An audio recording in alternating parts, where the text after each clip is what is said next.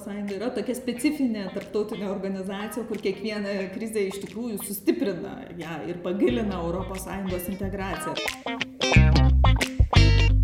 Bet šiaip ar karantino metu, ar ne karantino metu, diplomato darbo principas yra 24 valandos per parą ir 7 dienos per savaitę.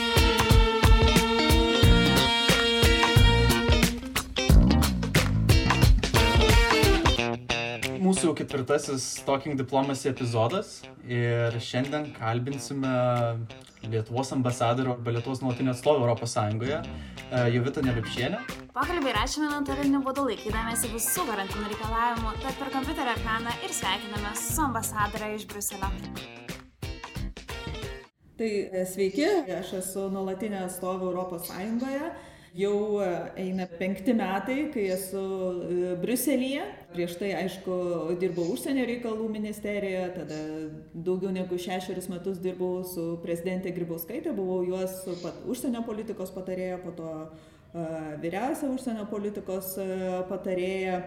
Buvo tikrai labai įdomus laikotarpis. Prieš tai, aišku, vėlgi dirbau užsienio reikalų ministerijoje, teko padirbėti rotacijoje Baltarusijoje na iš tikrųjų tai meilė europos sąjungoje į mano širdį pasi pasibeldė būtent dirbant prezidentūroje nes iki tol daugiausiai laiko praleisdavau dirbdama su rytų politikos klausimais ir rytų partnerėmis. Na ir šiek tiek komunikacija dar kai lietuva rengėsi stoti į į nato darėme didžiulę komunikacinę kampaniją paraleliai. Dėsčiau vilniaus universitete tarptautinių santykių fakultete. Studentai mane visą laiką labai įkvėpė ir išmoko, kad visada reikia nemeluoti, žiūrėti į akis ir nebandyti apsimesti, kad esi kažkas daugiau negu kad esi iš tikrųjų. Nes studentai yra geriausia auditorija, kuri visą laiką supranta, kad kažkas čia ne taip. Gal galit papasakoti, ką reiškia būti ambasadorė nuolatinė atstovė Europos Sąjungoje ir kuo tai skiriasi nuo ambasadorių veiklos kitose užsienio šalyse? Na, ambasadorius dirbantis bet kokioje užsienio šalyje yra atsakingas už dvišalių ekonominių, kultūrinių, politinių ryšių su ta šalimi arba kartais su keliomis šalimis, jeigu tai ambasadai yra priskirta. Tuo tarpu darbas tarptautinėse organizacijose, taip pat ir darbas ES reiškia, kad reikia bendrauti su daugeliu šalių, taip pat reikia perprasti institucinius organizacijos ir sąrangos specifiką na, jos darbo metodus ir, aišku, vertybės. Tai darbas Sąjungoje išsiskiria savo, na, tikriausiai daugias loksniškumu. Kažkas kažkada pajokavo, jeigu reikėtų pasakyti, kokia becelės raidė prasideda klausimai, kuriuos sprendžiam Sąjungoje, tai tikriausiai prie kiekvienos abėcėlės raidės rastumėm sritį, kurią galima įvardinti nuo autorių teisės iki žuvininkystė. Tai kita vertus reikia dirbti su 20 dabar jau šešiais kitais, prieš tai reikėjo 27 kitais ambasadoriais, kurie yra Europos Sąjungoje, visą laiką sėdim bendrai prie vieno stalo, net ir dabartinės krizės kontekste, o kur dar kolegos, kurie yra iš rytų ar pietų kaiminystės, taip pat kitos ES šalis partnerės. Be to reikia turėti omeny, kad ES institucijose dirba 55 tūkstančiai žmonių, iš jų apie tūkstantis yra vadovaujančiose pareigose. Tai gal negalėčiau pasakyti, kad su visu tuo tūkstančiu teko bendrauti, bet tikrai su pakankamai didelė dalimi esame susipažinę. Tai tokia yra aritmetika tarptautinėse organizacijose na, ir ES yra, aišku, gerokai sudėtingesnė negu įprasta dvišaliai ambasadai. Taip pat šiuo metu esam tokioje pakankamai įdomioje situacijoje, ar ne? Lietuva ir Europos šalis, Europos Sąjunga yra beveik visiškame karantine. Gal galite papasakoti, koks vaidmuo teko Bruseliui šios pandemijos akivaizdoje? Briuselis yra 27 valstybių susirinkimo prie vieno stalo vieta. Ir patinka mums ar ne, bet es tai yra, na gal ne visada tobula šeima, kur kartu su institucijomis ir ieškom bendro sutarimo. Tai ir tikriausiai koronos ar COVID-19 pandemijos atveju tie sprendimai, aišku, jų reikia greitai, efektyviai, dabar, o gal net jų reikėjo vakar. Tai tikrai išryškina tuos darbo metodus. Ar esam visiškam karantine? Na ne, dėl to, kad ES yra institucija, kuri turi nuolat veikti, reikia priminėti sprendimus. Tai ES vaidmuo yra veikti ir nesustojant garantuoti, kad tiek biudžetai, e, finansai, taip pat e, taisyklės, kurios yra skirtos na, normaliam laikotarpiu būtų pritaikytos prie tos krizinės situacijos. Reikia pasakyti, kad štai ambasadorių posėdžiai nebuvo sustoję. Taip pat turim darbo grupių, kurios yra susijusios su sienų kontrolė, su finansais, su biudžetu, su ekonominiais kai kuriais klausimais, žinoma, sveikatos ir socialiniais klausimais. Jos dauguma Mm, netgi rinkosi ir į fizinius posėdžius, ne tik tai į, į virtualius. Na, o didžioji dalis kitų klausimų, kurie gali būti išspręsti ir virtualioje erdvėje, vyko, vyko ten. Žinoma, kaip ir, kaip ir rekomenduoja Belgija, kaip ir laikomės Lietuvos taisyklių, stengiamės, kad žmonės na, kuo mažiau naudotųsi ir viešuoju transportu, dirbtų, dirbtų iš namų ir tik tai esant poreigiui ir būtinybėje ateitų į tuos vykstančius šiuo metu dar posėdžius kartais net girdime tą, kad ES galbūt per vėlai įstojo į tą kovą, bet kada iš tikrųjų buvo tie pirmi žingsniai žengti ir ar jie buvo pakankamai anksti e, padaryti iš ES pusės? Na, žinot, e, visą laiką čia tas klausimas, kuris e, turi, man atrodo, ilgesnį ir trumpesnį atsakymą. Tai e, jeigu trumpai atsakyti, tai žinot, ES sugebėjo susitarti dėl 3,5 trilijonų eurų pagalbos šalims narėms, medicinos tyrimams, darbo vietų išsaugomų, ekonomikos e, atsigavimui. Per mėnesį organizavo 240 skrydžių ir per, e, perskraidino atgal ES pusę milijono žmonių. Tai tiesą sakant, kadangi aš jau čia Briuselį esu daugiau negu keturis metus, galiu pasakyti, kad tokiais greičiais veikia ne kiekviena nacionalinė administracija. E, kita vertus, ar ES galėjo reaguoti greičiau, kai pradėjo užsidarinėti vidinės sienos, kai atsirado tiek vidaus rinkos prekių, tarkim, ar paslaugų kažkokiam judėjimui, ar žmonių judėjimui, ar ES galėjo veikti ir kažką tai padaryti. Na, turėkim omeny, kad čia atsiriamėm į klausimą arba turime turėti savo atsakymą į klausimą apie tai, tai kasgi yra nacionalinė kompetencija, kas yra europinė kompetencija. Deja, sienų uždarimas, žmonių judėjimas iš, dal, iš dalies ir didžiosios dalies tai yra nacionalinės kompetencijos klausimas. Jeigu pasižiūrėsim į žemėlapį ir pažiūrėsim, kaip vystėsi pandemija, pamatysim, kad tos vadinamosios pandemijos kreivės jos skirtingų laikotarpių atsirado skirtingose valstybėse. Na ir negali būti taip, kad viena išmėra tinka visiems, kaip mėgsta čia nai sakyti e, Briuselėje, tai na, natūralu, kad kai kurios priemonės skirtingose šalyse buvo įvedamos greičiau, kitos vėliau, na tai ES šiuo metu teikia rekomendacijas kaip tos priemonės turėtų būti taikomos ir šiuo metu netgi svarstome, kaip iš jų išeiti, kokios turėtų būti tos vadinamos išeimo iš karantino e, strategijos ir kokios turėtų būti ekonomikos gaivinimo strategijos. Minėjote, kad e, daugiau negu tūkstantis vadovaujančių asmenų, ar ne? Ir 26 šalis, na, galima sakyti, dar plus viena. Su kokiais iššūkiais teko susidurti būtent valdant, koordinuojant tą atsaką į krizę? Visų pirma, reikia turėti omeny, kad kalbam tikrai apie didelį skaičių ar skirtingų interesų sudarimų. E, reikia visus sprendimus priminėti remiantis teisiniais principais. Na, labai paprasta būtų, jeigu mes galėtumėm tiesiog uh, išeiti ir pasakyti, o dabar darysim taip. Visas uh, E, sunkumas yra tame, kad e, turi būti teisėtos įvestos priemonės ar draudimai, e, visi, visi turi būti teisėti. Pateiksiu gal keletą pavyzdžių. Daugelis iš mūsų iki koronos viruso pradžios, na, iš tikrųjų mėgavomės patogiomis e, kelionėmis ir retas, kada susimastėme, kad patogų susisiekimą keliautojų teisės reguliuoja griežtos ES direktyvos ir taisyklės. Prasidėjus koronos epidemijai, ES valstybės viena po kitos pradėjo uždarinėti sienas dėl pačių ES piliečių ir savo piliečių saugumo ir tai labai skaudžiai atsiliepė aviacijos pramoniai. Tai dabar tapo ta didžiulė našta ir įmonėms, ir netgi šalių biudžetams. Tai ES reikia pakeisti krūvą įvairiausių taisyklių, kurios atlieptų didelių ir mažų avialinijų oro uostų bei keleivių interesus. Tai viena vertus, vienos valstybės turi didelės įmonės aviacijos, kitos turi mažesnės. Yra šalių, kurios galbūt neturi didelių įmonių, bet turi didžiulius oro uostus, kurie yra centrai. Na ir yra šalių, kurių tokios kaip mes, kurių žmonės tiesiog labai daug keliauja.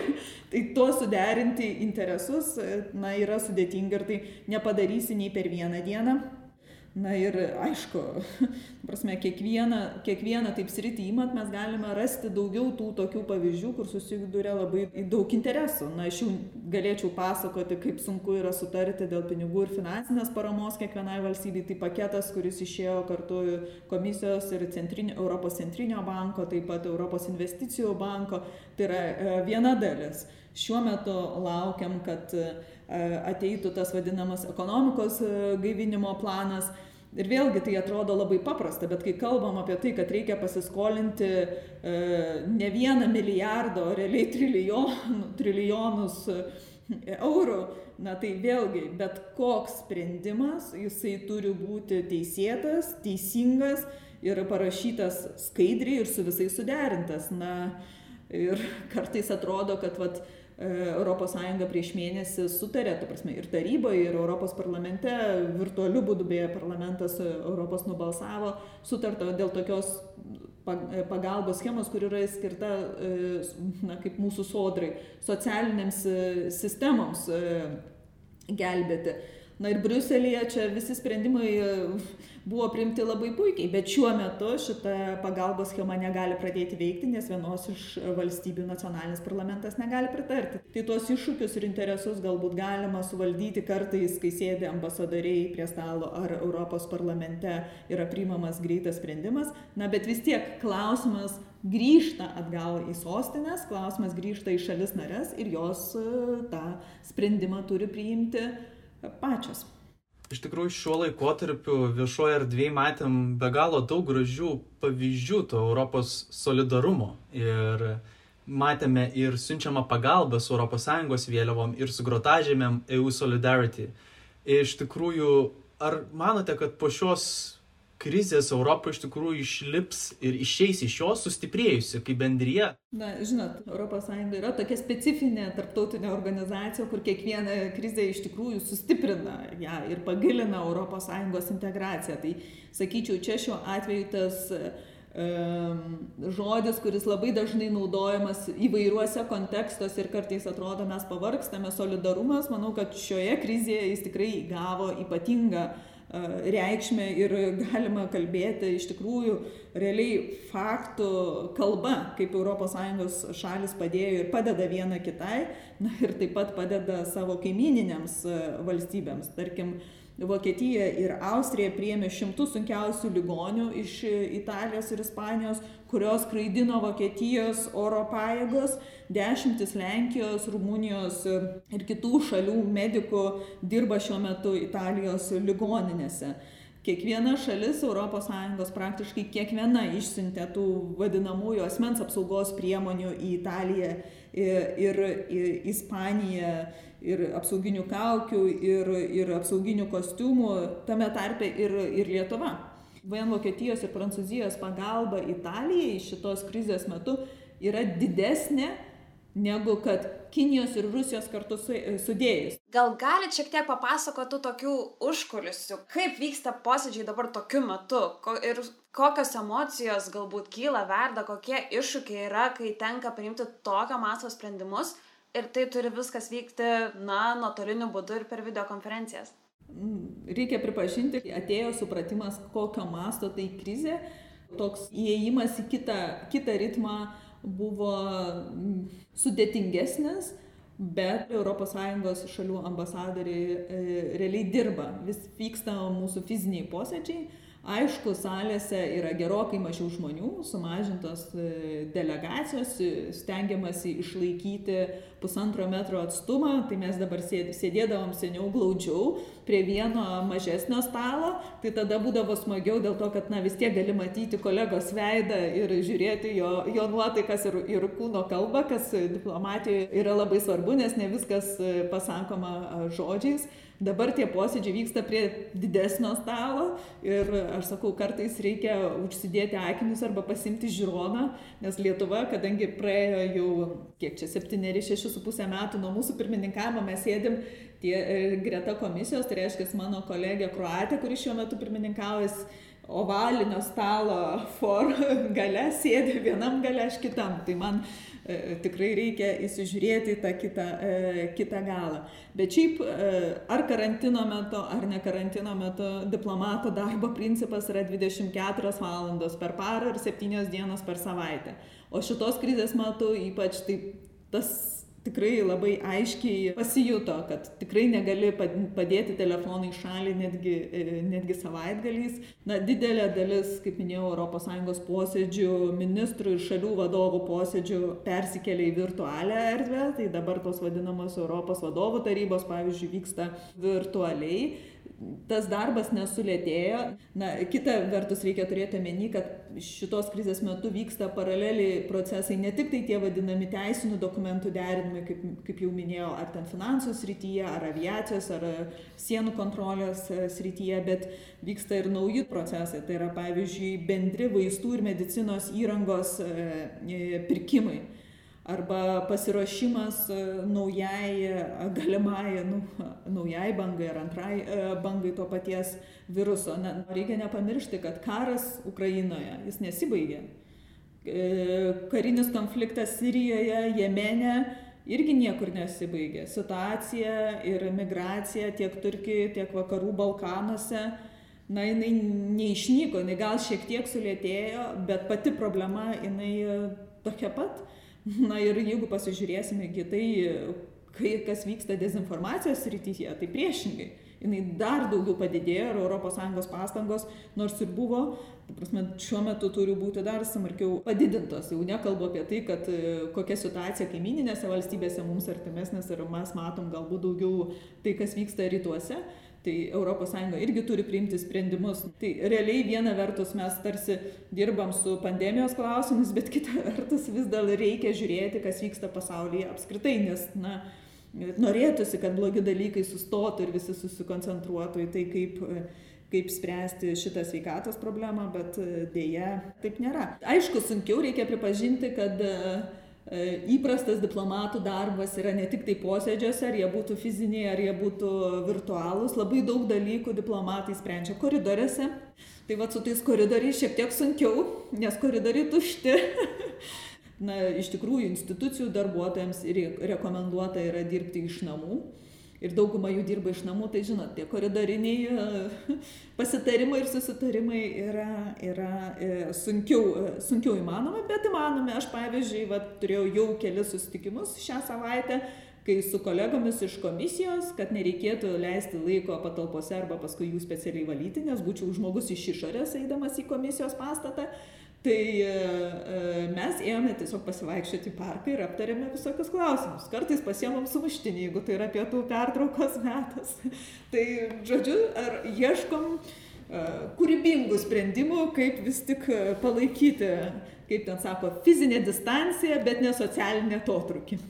O čia galbūt tokie žali sprendimai, gal bus nauja praktika dabar, tokia nauja tradicija, kuri visai, na, gal ir priliptų, kaip galvojat?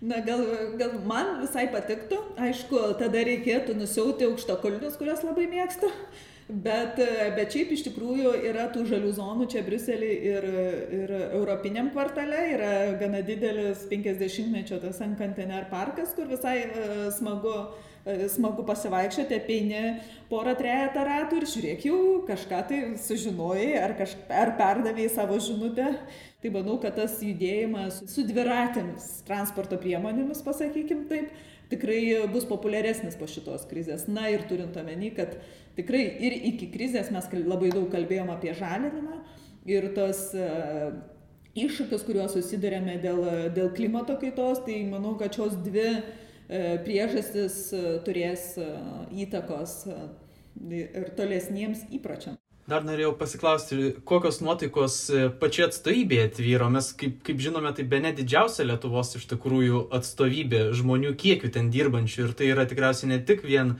diplomatai, bet ir iš kitų ministerijų žmonės atkeliavę. Tai kaip darbas organizuojamas, kaip, kaip žmonės patys irgi jaučiasi ten būdami arba dirbdami iš namų. Pas mus atstovybė iš tiesų dirba beveik 90 žmonių, tai na manyčiau kad tai yra didžiausia mūsų atstovybė užsienyje. Reikia turėti omeny kad čia modelis iš tikrųjų yra kitoks tai diplomatų gal yra šiek tiek mažiau negu trečdalis visi kiti yra skirtingų ministerijų institucijų atstovai savotiška na tokia vyriausybės kopija nes visos ministerijos čia e, čia turi savo specialiuosius atašė taip pat turi mokslo tarybos atstovus turim kai kurių vyriausybei pavaldžių įstaigų tokių kaip pasie pasieniečiai, priešgaisrinės apsaugos ir gelbėjimo departamentas, tai yra tikrai didžiulė komanda ir nepriklausomai nuo to, ar darbas vyksta fiziniam, fizinėje aplinkoje ar virtualioje. Dabar dauguma kolegų dirba iš namų, Tai aišku susijęs su mūsų Lietuvoje, Lietuvos sąlygomis, nes šiaip ar taip mes e, Lietuvos piliečiai su diplomatiniu e, statusu, bet kita vertus tai susiję ir su Belgijos rekomenduojamos apsaugos ir karantino priemonėmis. Na ir be to nedirba mokyklos, tai dauguma jaunų žmonių, kurie turi vaikų, tai vis tiek e, turi dirbti iš namų. Tai manau, kad kai kurie kolegos tiesiog įgyjo labai daug naujų įgūdžių, sužinojo, koks sunkus mokytojo darbas, kai esi namie, arba kaip sunku iš tikrųjų tris kartus per dieną gaminti maistą. Tai tos nuotaikos, sakyčiau, darbingos. O gal dar sukūrėt kokių, na, naujų tradicijų ar naujų rutinų būtent su atstovybės kolegomis? Gal dalinatės, nežinau, patarimais, kaip geriau vesti tas mokyklinės užduotis namuose? Na, žinot, ir su tais kolegomis, kurie atstovybė, ir su tais ir kolegomis, kurie sėdi prie stalo su kitais ambasadoriais, viskuo pasidalinam. Ir gerais patarimais, ir juokeliais, kurių pilnas e, internetas. Ir e, dabar čia vienas mūsų pagrindinis toksai priežodis yra, kad diplomatinis imunitetas šiuo metu įgyjęs kitą reikšmę yra, kadangi mes visi vaikštom į fizinius posėdžius ir ačiū Dievui, kol kas niekas nesusirgo, tai sakom, tikriausiai e, COVID bijo tų diplomatų ir arba mes turim specifinį imunitetą. Taip, žodžiu, tai taip pat linksmai, kartais pajokaudami, mes, manau, kad jau pasiruošę grįžti iš dalies bent jau į, į darbą. Norėčiau jau, nežinau, gal pabaigai, ambasadorė, jūsų paklausti, ko palinkėtumėt irgi ir, ir Europos Sąjungai, žengiant toliau į ateitį, ir, ir Lietuvai, ir, ir, ir mums visiems, tai dideliai, dideliai šeimai tų 27 valstybių. Na ir kadangi čia tokia, aš visą laiką sakau, kad gegužės savaitė, nuo gegužės pirmos, kai minime Lietuvos prisijungimą, įstojimą į Europos Sąjungą, iki gegužės aštuntos ir devintos, kai minime Europos dienas, tokia Europos savaitė. Ir reikia pripažinti, kad, na, aš prisipažįstu, kad aš neįsivaizduoju Lietuvos ne Europos Sąjungoje Ir iš tikrųjų džiaugiuosi, kad e, Lietuvoje, Lietuvos piliečiai e, labiausiai iš visų europiečių pasitikė ES ir tiki jos ateitimi. Tai mūsų, mūsų tas tikėjimas, kur daugiau negu 65 procentai pasitikė ES ir 71 tiki ES ateitimi, manau, kad yra tikrai labai gražus skaičiai Ir tas tikėjimas svarbiausias yra dalykas, kuris vienyje visas 27 e, valstybės ir turėjimas e, viena vertus savo stiprius įsitikinimus, savo vertybės ir savo interesus. Tikrai netrukdo tikėti tą ES ateitimi ir galimybę priimti sprendimus, kurie galbūt mums kartais atrodo netokie, kokių norėjom, jeigu reikėtų apibūdinti Europos Sąjungą kokiu vienu žodžiu, tai sakyčiau, yra, na, du žodžiai. dėrybos ir kompromisas. Tai linkiu visiems mums, kaip sakant, ir siekti to kompromiso, kuris mums palankus, bet tuo pačiu suprantam, kad jisai turi būti priimtinas ir, ir, ir visiems kitiems. Tai turbūt galime visi palinkėti vieni kitiems ir, ir, ir to iš tikrųjų tikėjimo neišblėsimo, kad jisai neišblėstų ne tik COVID-19 koronaviruso pandemijos metu, bet ir dar visais ateinančiais dešimtmečiais ir šimtmečiais, kada galbūt jau minėsime ir Šumano deklaracijos šimtmetį, o ne tik 70-metį. Taip, aš manau, kad ES yra mūsų DNR. Čia jau nebepakeisi niekur ir nepabėgsim ir tikriausiai nelabai norim. Bent jau aš tikrai niekur nenoriu bėgti. Tikrai ne. Ačiū labai labai, tikrai labai smagus pokalbis ir net ir tokiam, na, netradiciniam sąlygom iš tiesų. Ačiū Jums, smagu buvo.